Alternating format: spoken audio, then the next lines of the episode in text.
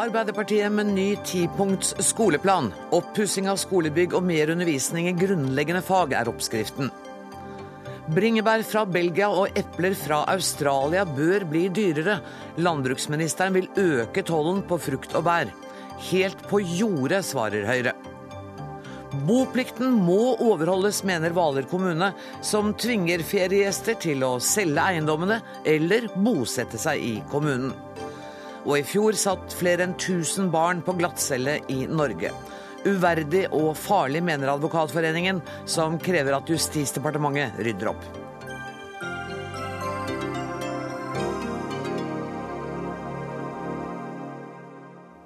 Dette er sakene i Dagsnytt 18 i dag, der vi også spør om valg, eh, valgomater er nyttig verktøy eller eh, forførende tidstyver. Men først. Ti punkter som skal løfte norsk utdanning. Det lovet Arbeiderpartiet da partiet la fram sitt nye skoleløft i dag. Planen inkluderer 20 milliarder kroner til å pusse opp norske skoler, 1 milliard til å bedre elevenes lese-, skrive- og regneferdigheter, og tiltak for å gi flere, flere lærere videreutdanning. Trond Giske, næringsminister, var du som presenterte denne planen i dag. Hva, hva vil du si er det viktigste ved denne tipunktsplanen? Det aller viktigste er jo at vi sier at vi er villige til å bruke milliardbeløp på en bedre skole. Eh, det klarer vi ved at vi sier nei til skattekutt. Vi vet rett og slett hva som er viktigst. Det er mye viktigere å gi alle barn i Norge en skikkelig start, en god utdanning. I skikkelige skolebygg og med lærere som har kompetanse både på faget sitt og på pedagogikk. Eh, det er det vi ønsker å bruke pengene på i årene framover, hvis vi får fortsette. Og så la jeg merke til uh, at dere understreker veldig at det skal uh, være mer fokus på uh, lesing, skriving og regning. Jeg er litt overrasket over at det kommer i en sånn pakke. Er ikke det hele fundamentet i utdannelsen vår? Absolutt, og vi ser jo nå at det går framover i skolen. Elevene regner bedre, det er færre som har leseproblemer. Vi går kraftig fram i realfag. Og det skyldes at vi har lagt økt vekt på tidlig innsats. at vi hjelper elevene mer i begynnelsen av skoleløpet. Tradisjonelt har det jo vært sånn at spesialundervisninga og ekstratiltakene har økt jo eldre elevene blir. Mm. Og nå tar vi skrittet fullt ut og sier at eh, vi skal stille sterkere krav til kommunene. Rett og slett sette ned regelverket. At alle elever på et eller annet gitt tidspunkt tidlig i skoleløpet skal komme opp på et kritisk nivå.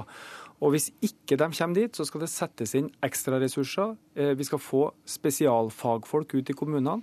Det er det den milliarden skal gå til.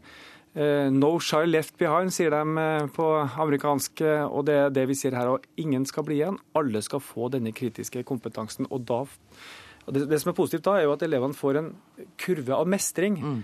Eh, lære i andre fag. Fortsette ut i ungdomsskolen og videregående. Jeg tror også frafall både i ungdomsskolen og videregående kan forklares med svikt helt i starten av skoleløpet. Lærerne vil, men de må ha ressurser og verktøy. Det høres ut som veldig gode tiltak, eh, og så kom dere på det nå, etter åtte år i regjering. Neida, det er jo... Litt pinlig det der. Nei, det er bl.a.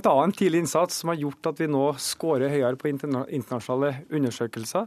Eh, det er det som har gjort at finnene er så gode, og nå tar vi altså skrittet fullt ut også i Norge. Elisabeth Aspaker, du er utdanningspolitisk talskvinne for eh, Høyre. Du er med oss fra eh, Harstad. Dette, det kunne jo like gjerne vært du som hadde sittet og lagt fram denne planen her? Ja, Det er jo bare så synd at det ikke er Høyre som har styrt dette landet de siste åtte årene. For da hadde vi nettopp kunnet komme disse ungene som eh, Trond Giske snakker om, til unnsetning for åtte år siden, og ikke nå. Altså, det er jo ikke noe nytt under sola i 2013 at vi har mange elever som sliter seg gjennom hele grunnskolen og fortsatt går ut av 10. klasse med altfor dårlige lese- og skriveferdigheter. Vi vet også at vi sliter med desperat mange som har svært lav score på matematikk ut av grunnskolen. Så de tiltakene som eh, Arbeiderpartiet nå kommer med, eh, det syns jeg er å se på som en klar innrømmelse av at den rød-grønne regjeringa har prioritert feil i sine første åtte år. Eh, men da må man jo se på at det er andre partier som heldigvis har sett og har skjønt og har visst gjennom sine budsjetter, alternative budsjetter hva som bør prioriteres. Og det er nemlig et, et solid kompetanseløft til norske lærere. Men Elisabeth Aspaker, er du ikke nå glad for da at eh, Arbeiderpartiet Det har jo du sagt eh, at de dilter litt etter dere her? Jo, altså jeg syns jo for så vidt at det er oppløftende at Arbeiderpartiet nok en gang før et valg eh, sier at de skal satse på skolen. Men dessverre så har vi jo sett to ganger at man uh, outsourcer skolepolitikken til SV, og at man har prioritert å lovfeste. Man har til og med lovfesta frukt og grønt, man har lovfesta en kulturskoletime, og man har lovfesta en frivillig leksehjelp. Mens derimot det som er aller viktigste i skolen, det har man ikke lovfesta. Det er det som handler om kompetansen til lærerne. Og hva skjer med lokalpolitikerne ute i det ganske land? Jo, de blir tatt i nakken og arrestert av fylkesmenn når de heller prøver å bruke pengene sine på flere og bedre lærere eh, enn på frukt og, og, og frivillig leksehjelp og denne kulturskoletimen. Giske, har partiet ditt mista makta over uh, skolen? Nei, jeg synes det der, Hvem gjorde hva når, det er kanskje norsk politikks minst konstruktive øvelse. Jeg kunne jo svart at Da vi overtok, hadde Kristin Clemet og Høyre styrt eh, skolen i fire år og ikke gjort noe for tidlig innsats. og Resultatene på PISA og andre undersøkelser gikk ned. Men det er litt lite konstruktivt. Eh, og det skiller en avgrunn mellom Høyre og Arbeiderpartiet på det faktum at vi sier at vel, en kvalitetsskole koster penger. Flere lærere koster penger. Oppussa skolebygg koster penger. Spesialister som hjelper ungene til å lese og skrive og regne, det må vi betale for. Og Da begynner vi den satsinga med å si nei til 25 milliarder skattekutt. Eh, det er det store retningsvalget vi står eh, overfor. Eh, og hvis du først bruker pengene på skattekutt, så blir det mindre igjen til det andre. Så er jo den andre avgrunnen også mellom Høyre og Arbeiderpartiet, nemlig spørsmålet om privatisering. Eh, for vi ønsker altså å bruke disse pengene som vi nå satser, på den felles offentlige skolen. Ikke åpne for en privatskole som kanaliserer pengene vekk fra den offentlige skolen. Hver krone til privatskolen tas fra den offentlige skolen. Vår offentlige skole har ikke en krone for mye, vi skal heller satse mer. Asbaker, altså, Høyre har både i sine alternative budsjetter vist at vi er i stand til å ha to tanker i hodet samtidig. Vi kan kombinere det å ha skattekutt med også å satse stort på skolen. Bondevik II-regjeringa kombinerte skattelettelser med å satse på skolen. Og Arne Strand, redaktør i Dagsavisen, som neppe kan sies å være noen sånn veldig venn av de borgerlige partiene, han beskrev situasjonen i 2005 som at den rød-grønne regjeringa kom til dekket bord. Men så har jeg lyst til å si, altså Trond Giske sier at Høyre gjorde ingen ingenting i regjering før 2005? Jo, vi etterlot oss Kunnskapsløftet, som jo er den skolereformen som til og med Arbeiderpartiet i dag bygger sin skole på. Og som nå Trond Giske eh, så sterkt understreker hvor viktig det er å satse på basisfagene. Når Høyre har sagt det, så har jeg fått beskjed om at nei, det blir for mye teoretisering av skolen, og nei, dette blir ikke noe hyggelig skole for norske elever å gå på. Men jeg, jeg hører at pipa har fått en annen låt. Ja, Giske, er det sånn at Distanserer dere dere nå litt fra SV og uh, frukt og grønt og kos og den delen av skolen, og går mer på det faglige retta? Altså, bare for å ta det frukt og grønt. Frukt og grønt utgjør 1 1% en hundrededel av det Høyre skal gi i skattekutt. Du må altså ta fra elevene 100 ganger så mye epler og pærer som de får, for å betale for de skattekuttene. Altså det er altså, det, Jeg skjønner at det er det du egentlig har lyst til å snakke om, det er ja, men, Høyres forslag til skattekutt. Jo, men poenget er jo at ting koster penger. Ja. Eh, og du kan altså ikke love at penger kan brukes to ganger. Gir du pengene til skattekutt, så blir det mindre til både skole, eldreomsorg, helse og de andre tingene. Men kan vi ikke holde oss til skolen? Ja. Takk. Eh, og, og, nå er jo eh, Aspaker tilbake tror jeg, ti år tilbake i tid når du snakker om uh, Kunnskapsløftet. Spørsmålet er hvilken retning skal Norge gå de neste fire årene? Eh, når vi sier at vi skal doble etter- og videreutdanninga til lærere, så har vi penger til det og skal gjennomføre det. 4000 lærere kan få videreutdanning. Når vi sier at vi skal bruke en milliard på å lese og skrive og regne løftet, så vil det bli gjennomført, for vi har råd.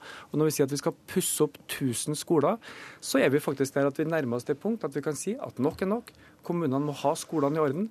Elever og lærere skal ha skikkelig arbeidsmiljø eh, og, eh, og ha kommet i mål. Eh, med den eh, oppussinga og nybygginga. Og Hvis vi da i tillegg, ja. da i tillegg slår ring om fellesskolen og ikke åpner for svenske privatiseringseksperiment, ja, da kan vi faktisk lykkes med å skape eh, en skikkelig kunnskapsskole. Nå er vi så heldige at Høyre lager norsk skolepolitikk i Norge, og Sverige har aldri stått modell for oss og kommer heller ikke til å gjøre det. Og så har jeg lyst til å si at Hvis det nå er sånn at læreren er blitt så viktig for Arbeiderpartiet, hvorfor har man da gang på gang stemt ned forslag fra en samla opposisjon om rett og plikt til etter- og videreutdanning? Videreutdanning. Hvorfor har man ikke støtta Høyres forslag om å nå lage nye karriereveier, sånn at de flinke lærerne kan bli igjen i klasserommet med økt lønn og, og være med å bygge prestisje til det yrket?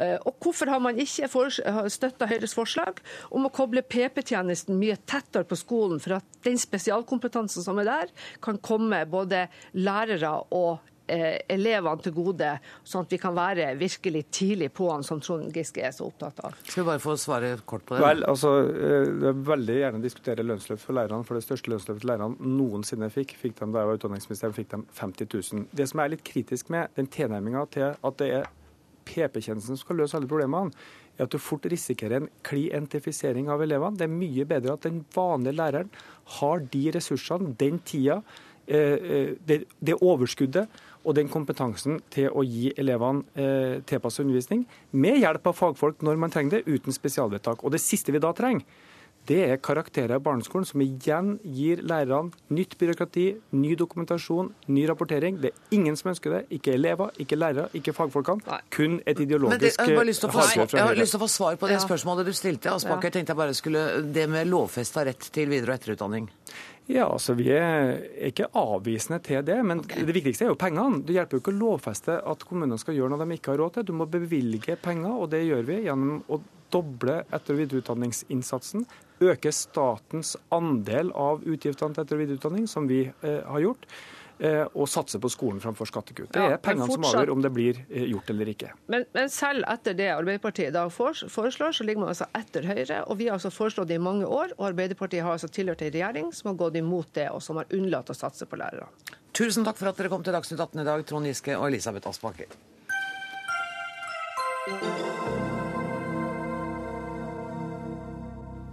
Norsk frukt taper i kampen mot den utenlandske. Derfor vil landbruksministeren vurdere å heve tollen på bl.a. epler og bær. Hvor mye dyrere kommer den utenlandske frukten til å bli hvis du får det som du vil, landbruksminister Trygve Slagsvold Vedum? Nei, Du og jeg kommer ikke til å merke forskjell i det hele tatt når vi går i Er du helt sikker? Ja, det er jeg. Men sånn som vi har det nå, så har vi litt høyere toll i visse deler av året når det er norsk, norsk sesong. Og Det er et politisk valg vi har tatt, for vi ønsker at når det er sesong for norske epler, at det skal være lønnsomt å selge norske epler. Og vi syns det er bra at vi kan kjøpe norske jordbær eller norske bringebær. Og så har vi en sånn fleksibilitet f.eks. på epler, at vi da setter opp tollen når, når det er eplesesong. Og jeg syns det er klokt og jeg synes det er lurt, og det gjør at du og jeg får et mye morsommere når vi går i butikken. og tenker at nå, nå er høsten her, nå får vi den gode smaken av norske epler. Og da må vi ha politisk vilje til det. og det det har vi. Og så syns jeg det er dumt at Høyre sier at de vil eh, bygge tollvernet langsomt ned. Og hvis man bygger tollvernet langsomt ned, så vil det bli mindre smaksopplevelser, mindre sesong, og samfunnet blir flatere. Jeg så i avisen i dag at foreløpig er det snakk om epler, og det er snakk om en økning i tollen på ca. to kroner kiloen, er ikke det riktig? Ja, det, det, det, bestemmer vi litt sjøl. Altså, det er jo ikke noe mål å øke ja, det var det jeg var redd for. Det, det er ikke ja. noe mål å øke tollen i seg sjøl, det er bare et middel. Og, mid, og er jo, målet er jo at vi skal ha det mangfoldet i det norske fruktfatet, og at det skal være norsk frukt der fortsatt. Og Vi bruker to virkemidler for det nå. Vi bruker budsjettpenger. Annet har vi brukt mye budsjettpenger på å få fram bare sånne eplesafter og gjøre det mer lønnsomt. Og så bruker vi toll. Eh, som gjør at det kan være lønnsomt i sesong å ha norsk eple. Og er ikke det flott? At vi kan ha norsk eple i sesong. Jeg synes det er kjempebra. Og så syns jeg Høyre skal være litt rause og si at det er klokt å bruke tollvern, det er klokt å bruke budsjettpenger. Vi skal slutte å kutte i budsjett, vi skal slutte å kutte i toll, og, og dyrke den norske bonden og dyrke mangfoldet. Ja, kanskje Høyre kommer til å si akkurat det. Svein Flåtten sitter i studio her eh, hos meg mens du er i Trondheim, Slagsvold Vedum. Flåtten, er du raus og syns dette er en kjempeidé?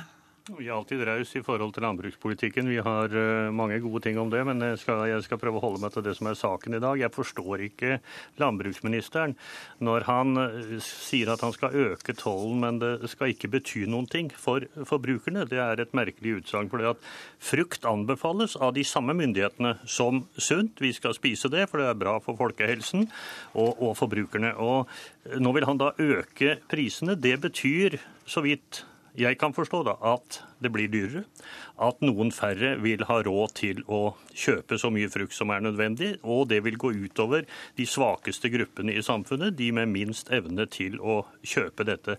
Så landbruksministeren må nesten forklare Mener han at prisene skal gå opp, slik at det skal hjelpe den norske bonden? Eller er dette nærmest bare et sånt utsagn i løse luften om at norsk er bra? For det er det uten tvil. Vi liker alle norsk frukt, men vi kan ikke sitte her på Dagsnytt 18 og lovprise det.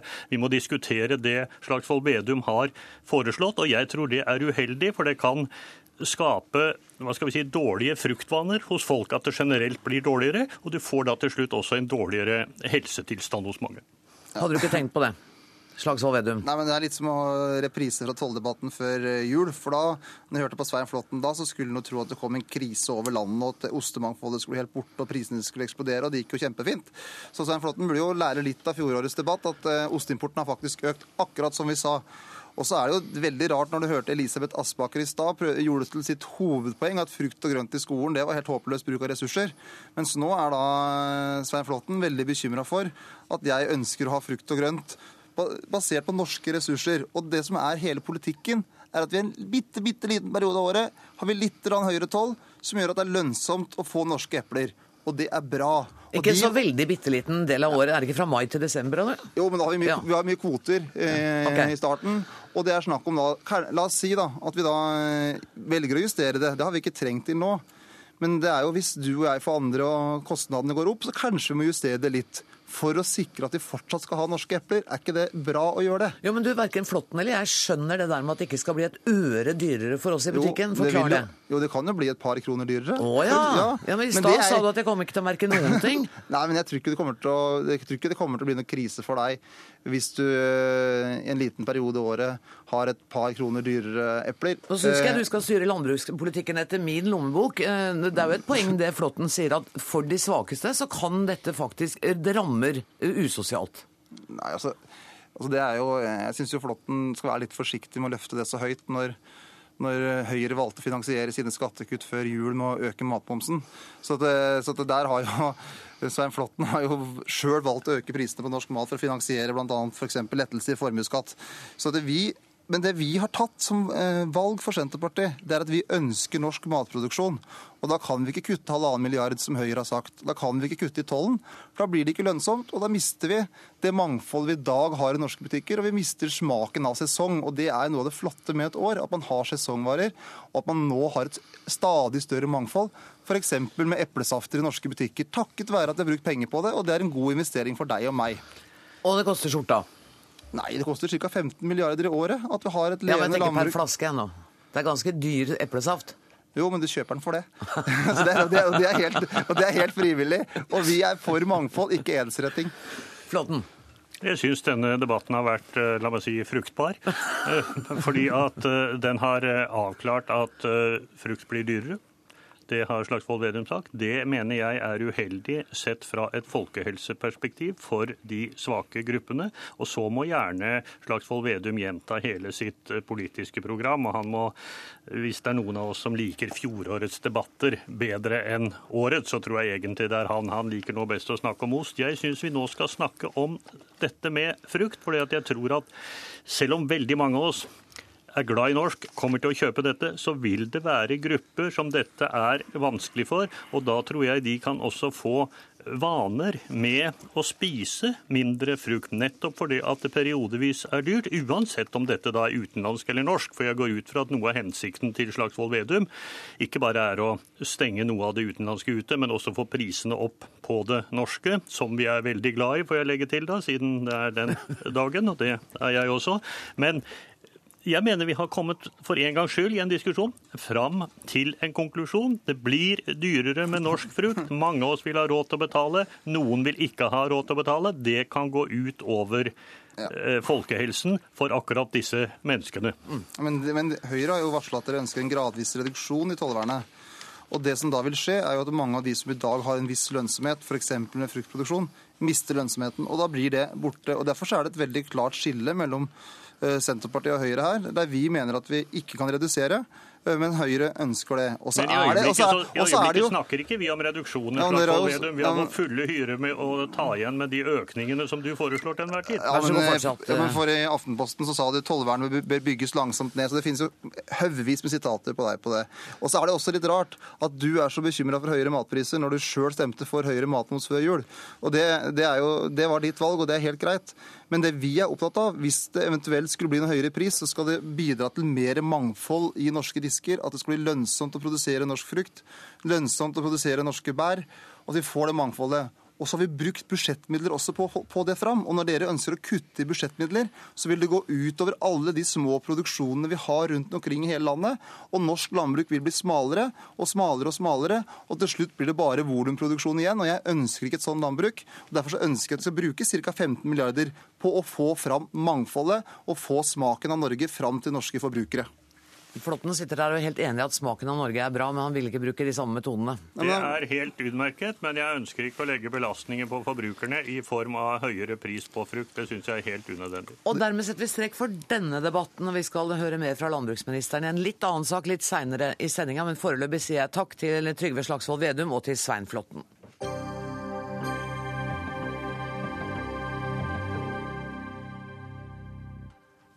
Flere enn 1000 barn ble i fjor satt på glattcelle. Dette er en uverdig behandling og kan få fatale følger. Det sier generalsekretær i Advokatforeningen Merete Smith. Hun forlanger nå at Justisdepartementet må ta tak i saken og rydde opp. Hva er det du reagerer på, Merete Smith? Vi reagerer på at glattceller brukes så mye som de gjør, og vi reagerer spesielt på at barn settes i glattcelle. I Norge så har vi den lange og vonde tradisjonen med at alle som blir pågrepet av politiet og ikke løslatt relativt raskt, de settes i det som heter politiarrest. Men hos oss er det slik at alle politiarrester er glattceller. Det er et nakent rom, og så er det hull i gulvet, toalett eller tilsvarende. Og i realiteten så er dette total isolasjon, altså det strengeste vi kan, inngrepet vi kan gjøre mot folk. Og det gjør vi egentlig uten at noen beslutter at det skal gjøres, og så sitter de der. Eh, vi har en regel om at det ikke skal sitte mer enn i to døgn for voksne, og nå ett døgn er det blitt endret til for barn. Og det er bra, den endringen er bra. Men, Men den ofte, regelen blir brutt? Den blir brutt hele tiden. Svært mange sitter lenger. Eh, og hvert døgn de sitter lenger, er veldig en stor påkjenning. Eh, og vi har sett at det har skjedd dødsfall på, dødsfall på glattcelle. Og det er jo lett å tro at det har sammenheng med forholdene man sitter under. Men samtidig så har jo tallet på barn på glattcelle gått ned. Og det er bra. Og det tror jeg nok skyldes at det har vært et fokus på denne problemstillingen. Både fra departementet og Isha, fra oss og, og Barneombudet og mange andre. Eh, men 1000 er fremdeles veldig mange, og det er altfor mye. Og vi mener at det egentlig ikke er så vanskelig å få en slutt med en gang. Og dere har mast ganske lenge på dette? Vi har mast i mange, mange år. Jeg har regnet opp de siste to årene så har vi snakket med politikerne over 20 ganger om denne problemstillingen. Om denne saken her? Ja, om denne problemstillingen, ja. Kristin Bergersen, du er statssekretær i Justisdepartementet. Velkommen hit. Um, hva har dere gjort? For det første vil jeg si at det er eh, prisverdig av eh, Advokatforeningen å ta opp eh, dette spørsmålet. Og at de ikke gir seg. For 21. gang? Nei, og at de ikke gir seg. For det gir oppmerksomhet om en sak som dessverre ofte faller under radaren. Men hører dere ikke etter, da? Det gjør vi. Det skal utvises stor tilbakeholdenhet når det gjelder å sette barn i politiarrest. Og dagens regel er strenge. Uh, ung alder er et uh, tungtveiende argument i vurdering av om man skal ta, gjøre et sånt uforholdsmessig inngrep som det politiarrest er. Og du mener at den regelen følges med at man er veldig tilbakeholdne med å bruke det når det sitter 1000 unger i arrest i løpet av et år? Vi ønsker at alle andre alternativer skal vurderes bedre enn de gjøres i dag. Og Derfor har vi også bedt om at det skal utarbeides bedre rutiner i politidistriktene når det gjelder bruk av politiarrest. og når det da ikke finnes alternativer, så skal man være restriktive. Vi mener at regelverket er på plass, og det er godt nok, men det mangler på rutiner. Og det mangler på også eh, innsamling av gode nok tall når det gjelder bruken. Og det forundrer meg. Fordi dere sendte et såkalt oppdragsbrev til Politidirektoratet. Eh, det var i eh, februar i fjor. Så fikk dere svar i mars i år. Er det en saksbehandlingstid fra direktoratet som dere syns er eh, passende? Nei, det er vi ikke fornøyd med. 13 måneder? Og det, egentlig så står det ikke noe annet der enn at de skal begynne å prioritere dette området. Vi er ikke fornøyd med dette. Vi mener at det er en helt uholdbar eh, situasjon. Når vi gir beskjed om hva vi ønsker, eh, så skal også direktoratet følge opp det. Hvor mange ganger har dere purret på det? Det, jeg har ikke tall på hvor mange ganger vi har purret på det. Men dette er som sagt fokus for oss i departementet. Vi ønsker å minimalisere bruken av eh, politiarrest når det gjelder barn spesielt. Og derfor har vi også gitt disse eh, retningslinjene og eh, bedt eh, POD om å rapportere på dette. Hvorfor er det så vanskelig å føre en skikkelig statistikk over hvem som sitter i arrest, når og hvor lenge, når man har full oversikt over alle som er i norske fengsler, hvilken nasjonalitet, hvilken alder, alt. Og så klarer man det ikke når det gjelder politiarresten. Det er eh, forskjeller eh, på de som da eh, sitter i politiarrest. Noen er der fordi de har vært på fylla og Ja. sitter og venter på mamma og pappa. Andre har begått mer alvorlig kriminalitet og venter på videre saksgang. Og det er klart at vi ønsker at da når man har barn i politiet, så skal det være god kontakt mellom politi og barnevern for å sikre at også barnet har voksenkontakt mens de sitter der. Det er spesielt viktig. Men det- det skjer ikke alltid nå. Så dere, dere vil det gode, men dere har altså ikke evnet å få underliggende organer til å gjennomføre det. Det er vel det vi kan konkludere med. Det handler mye om styringsdialog, selvfølgelig. Og det ønsker vi nå å eh, sette trøkk på overfor Politidirektoratet. Og si at vi er ikke fornøyd med hvordan dette er fulgt opp, så vi vil eh, sette i gang eh, og, og bedre den dialogen ytterligere. Er du lettet og glad nå, Merete Smith? Så det er klart Jeg håper at dette vil føre til en forandring, men jeg har ikke så veldig stor tro på det. Vi har hatt denne eh, diskusjonen med departementet mange ganger. Eh, Advokatforeningen har også gått gjennom alle partienes eh, programmer. Og det er faktisk bare Venstre som har satt i partiprogrammet sitt at de ønsker å få slutt på glattcellebruken. Ingen av de andre partiene har altså funnet dette som er menneskerettsbrudd, viktig nok til at de skriver noe om det i partiene. Eh, Vi hadde en debatt i dag morges, og da sa gir også SV at de gjerne ville ha slutt på det. Men fremdeles, altså der er, bortsett fra Venstre, så er det ingen partier som mener at dette er viktig nok til å putte i programmet. Og det er menneskerettsbrudd. Eh, Norge har jo blitt eh, omtalt eh, som om fra internasjonale organer mange ganger, både fra FNs torturkomité, fra Europarådets torturkomité, fra menneskerettskomité, fra mange internasjonale organer, så har vi blitt pekt på gang på gang på gang på gang at dette er brudd på menneskerettighetene, og det er uverdig. Og jeg vil også si at altså, Det er på en måte to ting. Det er både det at man putter barn i, på, i politiarrest, men så er det også det at politiarrestene er glattceller. Altså, man kunne jo fikse deler av dette problemet før helgen. Ved at alle politikamrene rundt omkring i landet gikk ut, kjøpte møbler, puttet inn en TV, fikk inn aviser. Altså Det er veldig forskjellig å sitte 48 timer i en i et helt glatt rom, ikke vite noen ting om hva som skjer utenfor i verden, ikke ha kontakt med noen andre, bare høre skrik og bråk og at andre hyler og er, kaster opp og den type ting.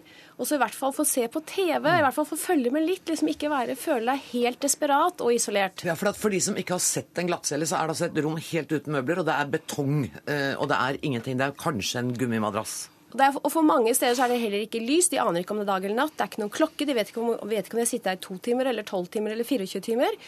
Enkelte steder så er det også slik at det bare er eh, sånne stenger foran. Og så hvis du da går på do, så ser så alle som går på gangen, på deg.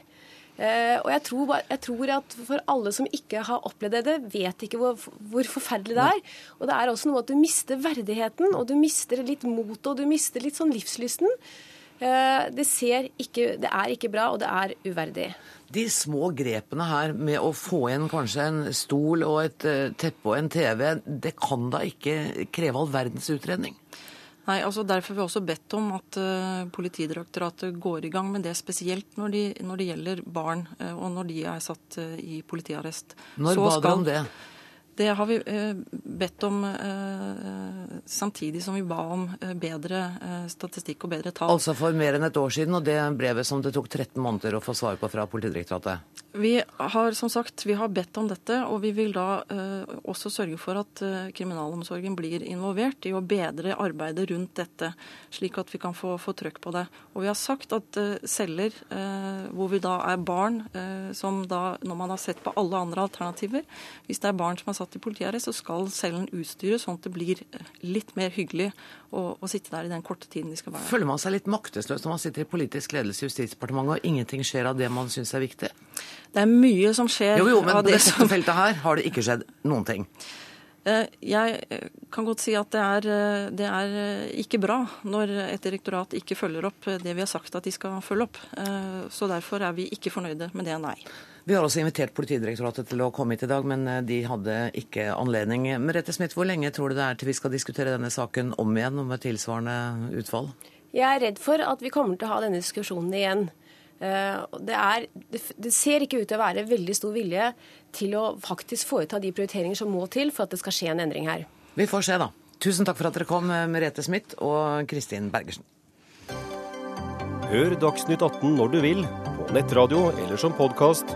nrk.no – dagsnytt 18.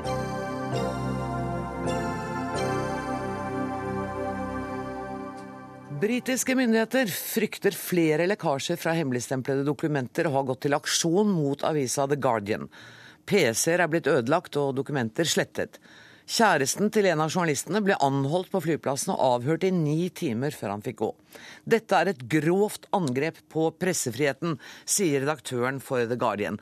Espen Aas, du er vår korrespondent i London, og i dag forsvarte den britiske regjeringen seg. Hvordan gjorde de det?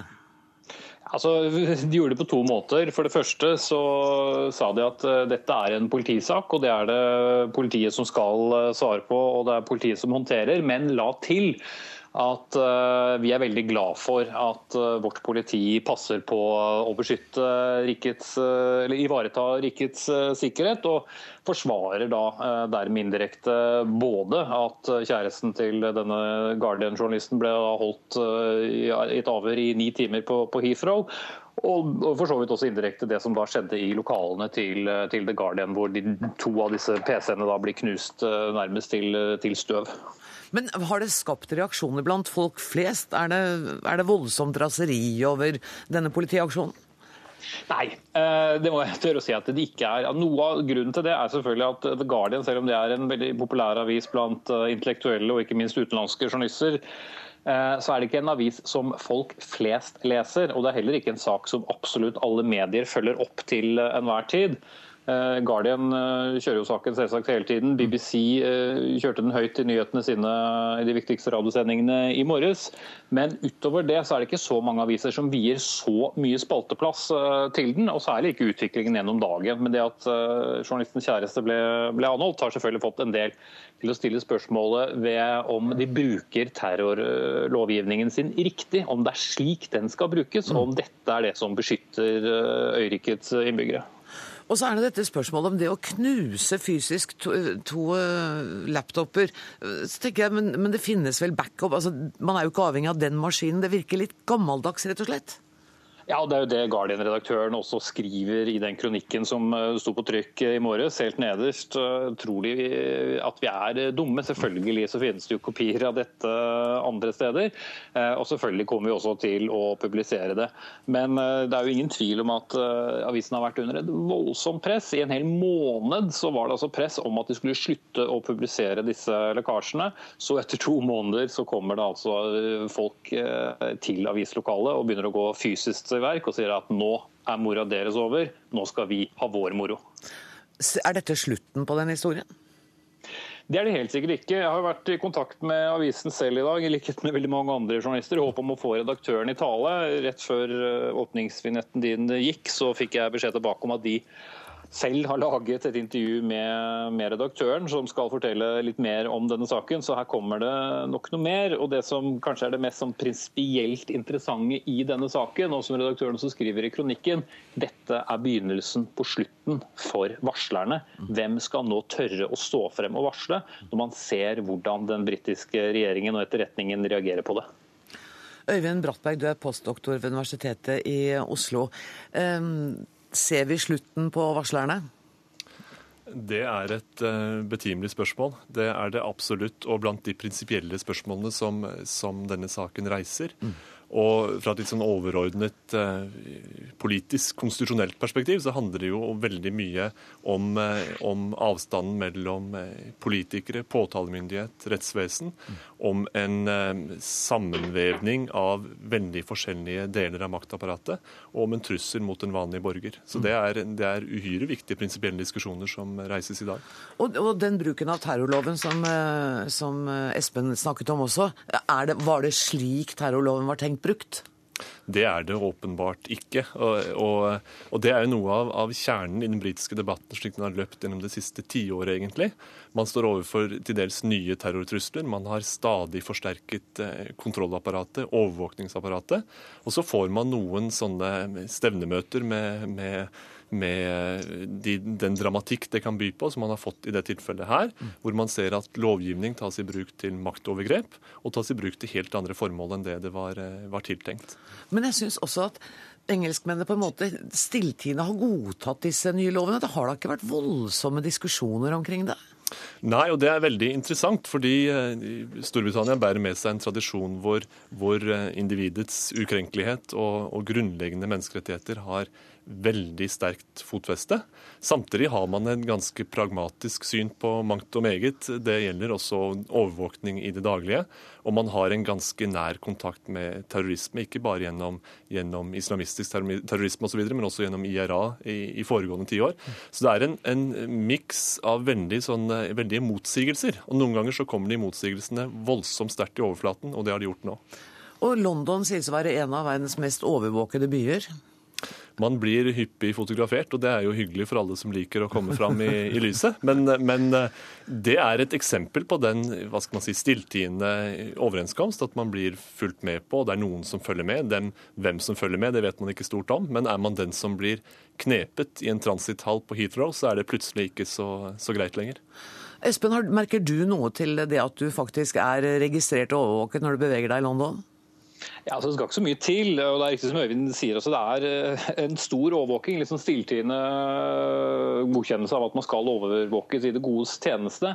Eh, F.eks. Som, som journalist, hvis du trekker fram TV-kameraet her og begynner å filme, så er det ikke alltid det tar så veldig lang tid før det kommer politi bort til deg. Selv da det var født en prins her, så sto jeg en fotograf utenfor Buckingham Palace og laget en stemningrapport. Tre politi, kvinnelige politibetjenter kom rett bort til oss og ba oss om å legitimere oss. Eh, og ba oss om å bare flytte oss og gå et helt annet sted, selv på en sånn uskyldig sak. Og Du skal i praksis melde fra til hver eneste bydel i London på forhånd før du begynner eh, å filme. Politiet har jo fått veldig kritikk for å eh, stoppe journalister, og særlig TV-fotografer. Men de bruker også den samme terrorlovningen til å si at ja, vi skjønner at dere skal lage nyheter, men vi har også sikkerheten å ivareta. Og hvis vi vil, så kan vi eh, benytte oss av denne terrorloven fra 2000, innført av Blair-regjeringen, eh, til å stanse deg. Eh, det er mye legitimering. Skal du ha pressekort i, her i Storbritannia, så skal det godkjennes da fra politiet. Det er en relativt lang prosess. Brattberg, er det en foruroligende utvikling? Nå skal terrorloven til parlamentet igjen for å behandles der. Kan den bli ytterligere innskjerpet? Det kommer til å bli en, en heftig debatt. Men noe av problemet i den britiske politiske eliten på en måte er at, at, de liberale stemmene har vært ytterst få i løpet av de siste, de siste 20 årene. Noe av det som eh, Labour la veldig vekt på under Tony Blair og Gordon Brown, var at de skulle vise seg som, de, som tøffe og, og autoritære når det gjaldt kriminalitetsbekjempelse, terrorbekjempelse. Det har betydd at det er noen spede røster i det liberaldemokratiske partiet, som er stort sett de som har stått opp for denne typen eh, borger, borgerrettigheter, og, og, noen få i det konservative partiet. Men det er en veldig eh, rotete politisk debatt. Og husk også at, at en del av bakteppet for hele dette er også interessefellesskapet med USA og de antatte forpliktelsene overfor den store vennen på andre siden av Atlanteren som gjør at, at, denne debatten handler ikke bare om intern britisk overvåkning og, og sikkerhet. Den handler også om antatte forpliktelser og til en større partner utad. Det må vi snakke mer om ved en annen anledning. Tusen takk for at du kom, Øyvind Brattberg. Takk også til Espen Aas i London.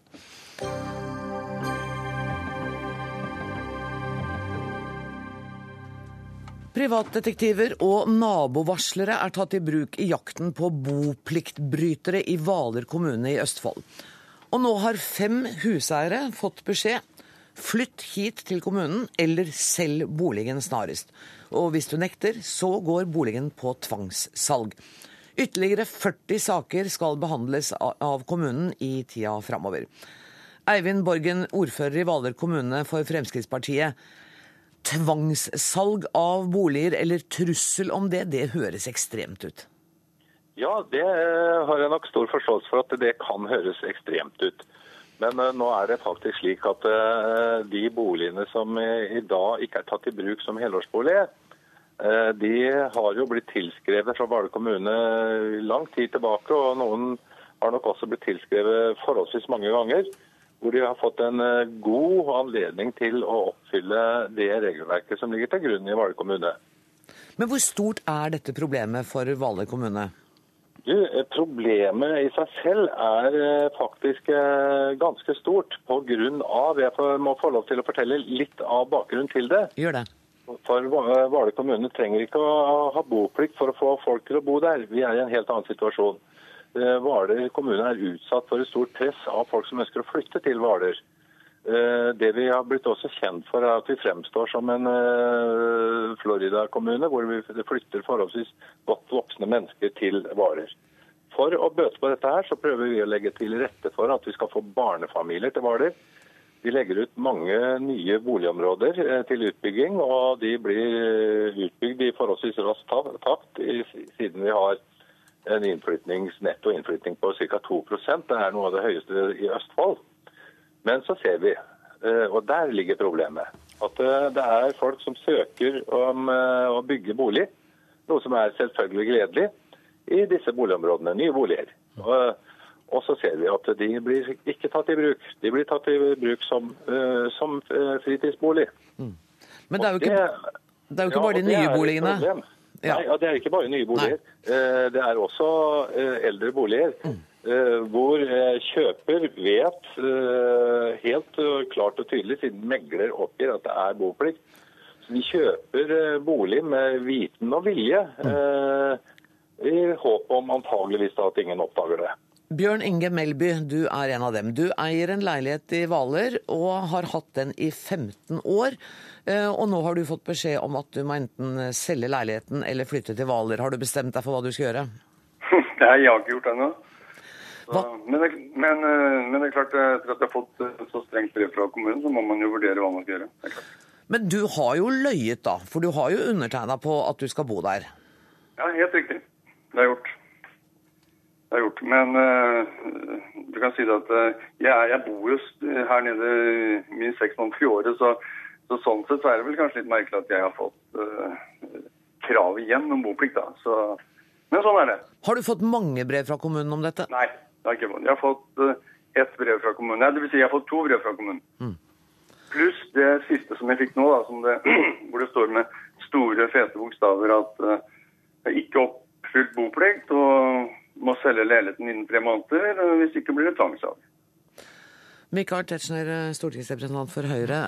Det er da fornuftig at kommunen prøver å ha flest mulig fastboende og opprettholde boplikten?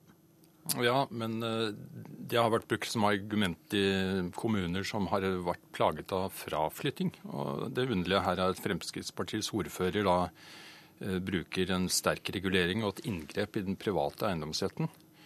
Eh, og dette er jo en som ikke har kjøpt dette på spekk. Han har hatt 15 års eiertid. Og det vi alle vet av egen erfaring, det er at planer kan endre seg, familiestørrelse kan endre seg, jobbsituasjonen kan endre seg. Og så vil man allikevel fortsatt eie den leiligheten eller det huset en, en har kjøpt. Og jeg tror det er veldig kortsiktig også samfunnsmessig at man nekter alminnelige mennesker i å innrette seg uh, lovlydig. Mm. Og det er jo så mye annen, skal vi si, lite ønskverdig virksomhet, kriminalitet, narkohandel i våre skolegårder, som, eh, som, heller burde tiltrekke seg oppmerksomhet enn, enn, å innvirke på vanlige menneskers normale disposisjoner, og her i dette tilfellet bruk av eiendomsretten. Ja, og Ordfører Eivind Borgen, dere har altså brukt varslere og detektiver for å finne ut av dette her. Hvordan har det foregått? Nei, det er nok eh, noe som media faktisk har greid å fremsette det som. Ok, Men hvordan har dere fått opplysningene? Nei, altså opplysningene det får vi jo bare gjennom eh, matrikkelen. eh, Og, eh, og det er jo ganske enkelt hvis det, du skal sende ut eh, avgiftene på vann og avløp. eh, Og noen eh, faktisk bor i en bolig som er helårsbolig, og vi må sende eh, regninga til f.eks. Oslo. Så, så det, det trenger ikke være eh, særlig mye etterforskning. Men jeg har lyst til å bare kommentere det som Tetzschner sier. Eh, altså den, kortsiktige biten av det. Jeg tror det er viktig at vi tenker langsiktig, siden vi har en så stor innflytting eh, til Hvaler. Og vi ønsker å utvikle Hvaler til et bærekraftig samfunn. I, i, i, altså i den eh, befolkningssammensetningen. Og når vi ser at vi har en så stor andel av eldre som eh, flytter hit i dag, så er jo selvsagt de velkommen, for det er en ressurs, ressurs i seg selv. Men det som vil skje ved eh, altså en, et opphør av eh, boplikta, det er jo selvsagt at eh, pga. Hvalers attrakt- attraktivitet Vi bor tross alt i et område nær kysten eh, og er en eh, øykommune som har kyst rundt hele. Så vil det oppstå noe. Da vil jo selvsagt markedet være helt fritt. Folk vil kjøpe fritidsboliger som i dag er helårsboliger. Prisene vet vi stiger, eh, litt avhengig av eh, eh, beliggenhet. Så vet vi at de stiger med kanskje en million, kanskje oppimot to millioner kroner. Nyetablerte barnefamilier har ikke mulighet til å være med i den priskarusellen.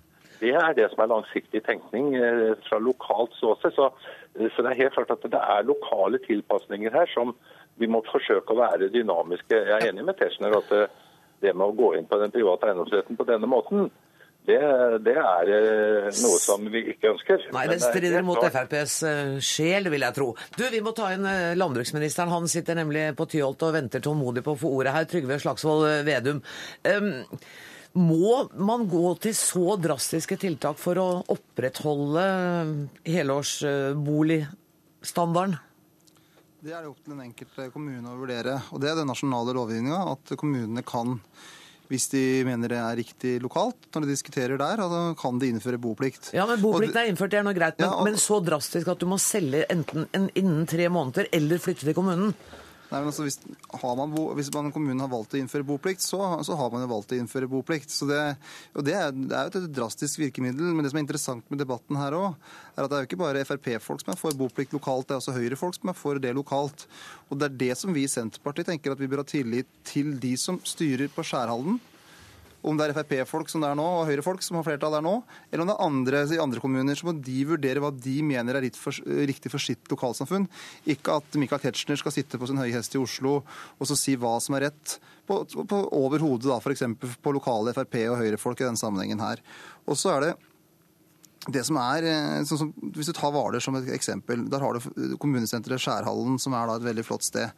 Det som vi kan se som langsiktige konsekvenser i noen kommuner hvis man ikke har boplikt, er at det kan bli rene sommerbyer, de mest attraktive områdene av kommunen. Og det er ikke ønskelig. Og ordføreren har jo et ansvar for en, for en helhetlig samfunnsutvikling. Og da at i noen få kommuner at ordføreren sammen med kommunestyret ønsker å tenke samfunnsutvikling og sier at vi dessverre må innføre boplikt, det syns jeg vi skal ha respekt for når vi sitter i Oslo. Ja, for det første, Hvis jeg får valget mellom en statlig sentralregulering eller en kommunal, så velger jeg den kommunale. Fordi det er mye godt vett i et kommunestyre.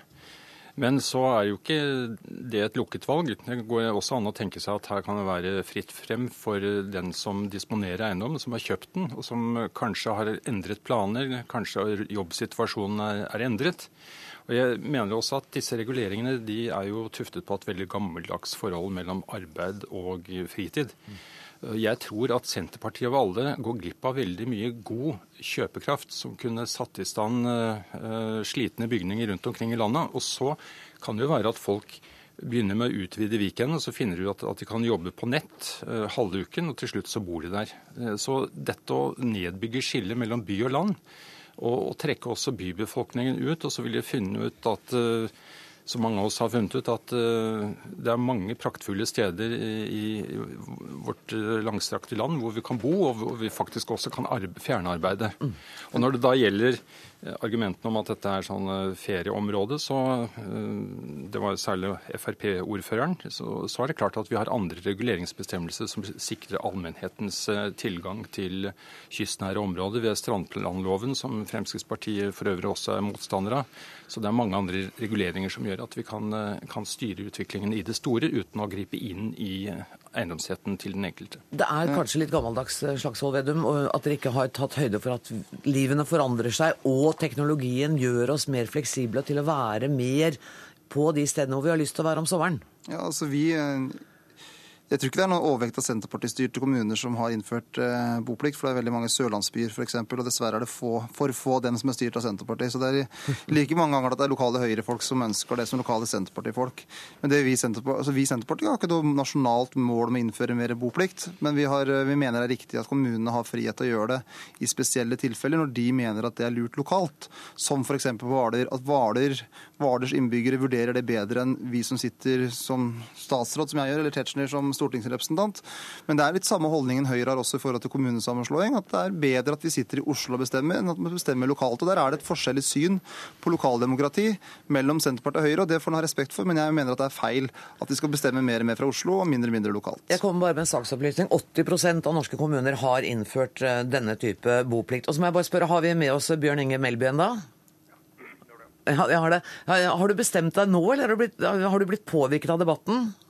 Nei, ja.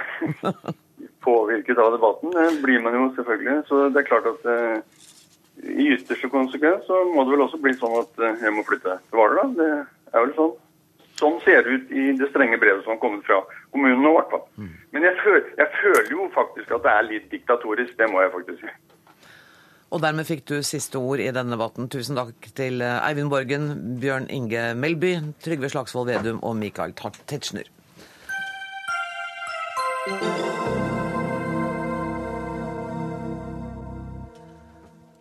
I disse dager er det hundretusenvis av oss som eh, bruker noen minutter på å klikke seg gjennom valgomatene som tilbys på nett. Etter å ha svart på en rekke enkeltsaker og gitt dine synspunkter, så får du deretter opp det partiet på skjermen som eh, valgomaten da mener står deg nærmest. Frank Aarebrot, professor i sammenlignende politikk ved Universitetet i Bergen. Du mener at sånne valgomater først og fremst er bra for de partiene som lover gull og grønne skoger. Hva legger du i det? Nei, det er jo det, det er kanskje litt enkelt å si, men eh, det som er poenget er jo at eh, de etablerte partiene, når man lager valgomater, så lager man jo det i god tid før valget. Man vet ikke hvilke saker som kommer opp, eller for den saks skyld hvilke partier som kan komme utenfra og plutselig bli interessant, sånn som partiet De Grønne er blitt nå. Mm. Og det gjør jo at når det gjelder Kristelig Folkepartis særegenheter, så får jo de spørsmål i valgomaten som gjør at folk kan velge til eller fra særegenhetene til Kristelig Folkeparti, og dermed styrke eller svekke Kristelig Folkepartis sjanse for å komme blant de prefererte partiene. Mm. Men, eh, og Det gjelder jo Senterpartiets særegenheter og SVs særegenheter. Og selvfølgelig uenigheter mellom Høyre og Arbeiderpartiet er garantert å komme i valgomatene. Men De Grønnes særegenheter f.eks. er jo nesten ikke med. Er, jeg har jo gått gjennom både NRKs valgomat og Aftenpostens valgomat. Og jeg kan ikke se et eneste spørsmål som refererer til sær, særegenheter ved De Grønnes program. Det har de rett og slett ikke tenkt på at De Grønne skulle komme opp. Og Resultatet er jo på en måte at De Grønne seiler inn på frakkeskjøtene på de andre partiene. Ikke fordi at de ikke har profilerte programposter, men for at de profilerte programpostene ikke har spørsmål i valgomatene. Og da har jo du et problem. Da blir det liksom altfor lett for De Grønne å komme frem. For de programpostene der De Grønne er enig med den ene siden eller den andre siden, der vil de altså dra nytte av de andre standpunkter. Mens deres egne særstandpunkter er ikke markert i valgomaten på samme måte som f.eks. Kristelig Folkepartis særstandpunkter er det. Andreas Wiese, du er kommentator i Dagbladet, og i en kommentar i avisen tidligere i august så skrev du at mange ender opp med andre politiske sengekamerater enn de hadde planlagt eh, når de holder på med dette. Kan, har det da noen troverdighet? Ja, det er jo et interessant spørsmål. Eh, stemmer folk på andre ting enn det de faktisk mener? Ja. Da er det interessant. Men hvis det skyldes et, en svakhet ved valgomaten, så er det ikke så spennende å havne opp med feil sengekamerat en tilfeldig natt. Men, men, er det da bare et tidsfordriv og et leketøy, dette her? Det er mye tidsfordriv i det, eh, og det er mye lek med det. Det mangler for meg noen ting i disse valgomatene som F.eks. så mangler det på en måte å vekte inn eh, de forskjellige partienes gjennomføringskraft. Ofte Ja. når vi stemmer på partier, så er, det liksom, så er det i vår tiltro til at de faktisk klarer å gjøre noe, Mm. eller faktisk mener noe med de sakene de sier at de mener. Og det andre er at det mangler noe i forhold til partienes interne prioritering av alle de gode sakene de sier at de brenner for. Alle vil ha bedre eldreomsorg. Jeg tror ikke det er ett parti som har markert seg på at de vil ha dårligere eldreomsorg. Men eh, når, det, når de også f.eks. vil ha skattenedsettelser, hvordan kommer de egentlig i praksis til å vekte skattenedsettelser og bedre eldreomsorg i neste periode? Den typen spørsmål mangler. Og det gjør at det blir et viss mangel på realisme. Det blir en sånn partiprogram-prinsipprytteri. Ja, og det, der er jo Vise inne på det, de to sentrale punktene.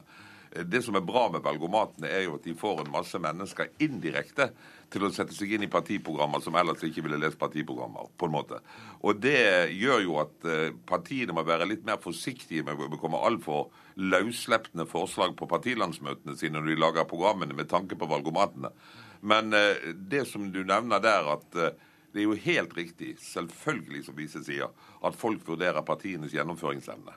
Og jeg er jo i grunnen glad at de ikke er med i valgomatene, for det er jo nettopp derfor at folk ikke følger valgomaten alltid. Fordi at de sitter og tenker på gjennomføringsevnen og tar den vurderingen selv. Så jeg tror at det antallet mennesker som er overrasket over valgomatutfall og av den grunn skifter parti, er relativt liten. Det er nok litt, litt sånn lek, computerlek-element i det. Ja. Eh, Visa, har du tatt valgomaten? Jeg har tatt en rekke valgomater, Ja. og jeg har tatt flere valgomater en rekke ganger. Og jeg har fått en interessant bukett av, eh, Av meninger. partier, ja. Jeg har bare rukket å ta tre, men jeg fikk tre forskjellige partier. Um, Erik Bolstad, du er redaksjonssjef i Nye Medier her i NRK. Du var med på å lage den aller første valgomaten i 2003. Det er liksom Det er de skyld. Ja, vi lærer jo litt fra år til år, da. Men er du enig i innvendingene du her hører fra Vise og Aarbrot? Ja, jeg er enig i noen av dem. Um, forrige valg så lagde vi 429 valgomater, eh, og da brant vi oss på ganske mange ting, bl.a. Uh, alle småpartiene. De har vi tenkt ganske mye på i den valgomaten som NRK har lagd i år. Eh, det vi har prøvd å gjøre, er å innføre et nytt element, som er en sånn partiduell, der en del av de mer sære standpunktene til partiene kommer fram, og de kommer fram i tekst og ikke bare sånn skalaer av, eh, av enighet. Så partiene har fått skrive eh, svar på spørsmål. Men er det sånn at valgomaten kommer til å bli viktigere og viktigere for, å, for at jeg skal danne meg opp en mening før valget? Det er vel det som er tanken. Dere skal hjelpe meg til det. Sist valg hadde vi en million som tok valgomaten vår. Nå er vi på en halv million hittil, så jeg regner med at vi havner på kanskje samme nivå nå. Det vi håper at valgomaten skal være, er sånn grunnlag for refleksjon mest. Altså et, eh, at man skal bli utfordra på noen ting om partiene som man kanskje ikke visste fra før. Visa. Ja, og det er bra, men e- et problem jeg, stort problem jeg har med NRKs valgomat, det er at dere holder resultatene hemmelige. Altså dere melder ikke hvordan folk ender opp med å, å lande. Fordi det NRK da gjør, er at de sier vi skal hjelpe dere til å finne ut hva dere mener. Men vi forteller dere ikke hvordan det totale resultatet blir.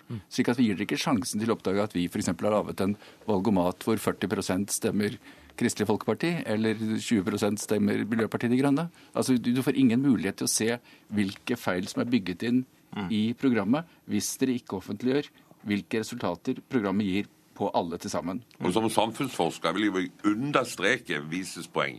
Åpenhet om resultater og strukturer av såpass viktige instrumenter burde være en kl klinkende klar krav til de medieorganer som setter sånt i gang. Bolstad.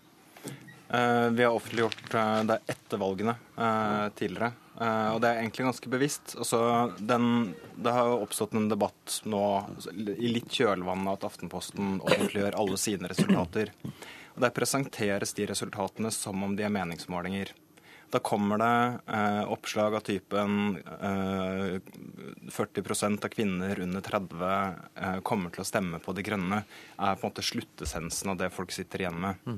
Og Eller er- valgomaten er helt på trynet fordi de sier at er helt på 40 trynet, ja. Det er det noen som Eh, oppfatter. eh, Men det er jo det er en avveining her. Altså, jeg, um, vi var på nippet i år til å, til å offentliggjøre det, men så er vi Uh, også litt redde for å på en måte, bli en politisk aktør. For det syns vi ikke er en veldig kledelig rolle for oss. Så dere venter til etter valget? Ja, men, ja, men det, er jo nett, det er jo nettopp det dere blir. Altså, dere, gir, dere lager en maskin som skal gi folk råd om hva de skal stemme, og så får de et klart råd fra dere at dette er det partiet dere er nærmest, og så forteller dere ingenting om hvordan den valgomaten er vektet, slik at folk har ingenting å justere det med.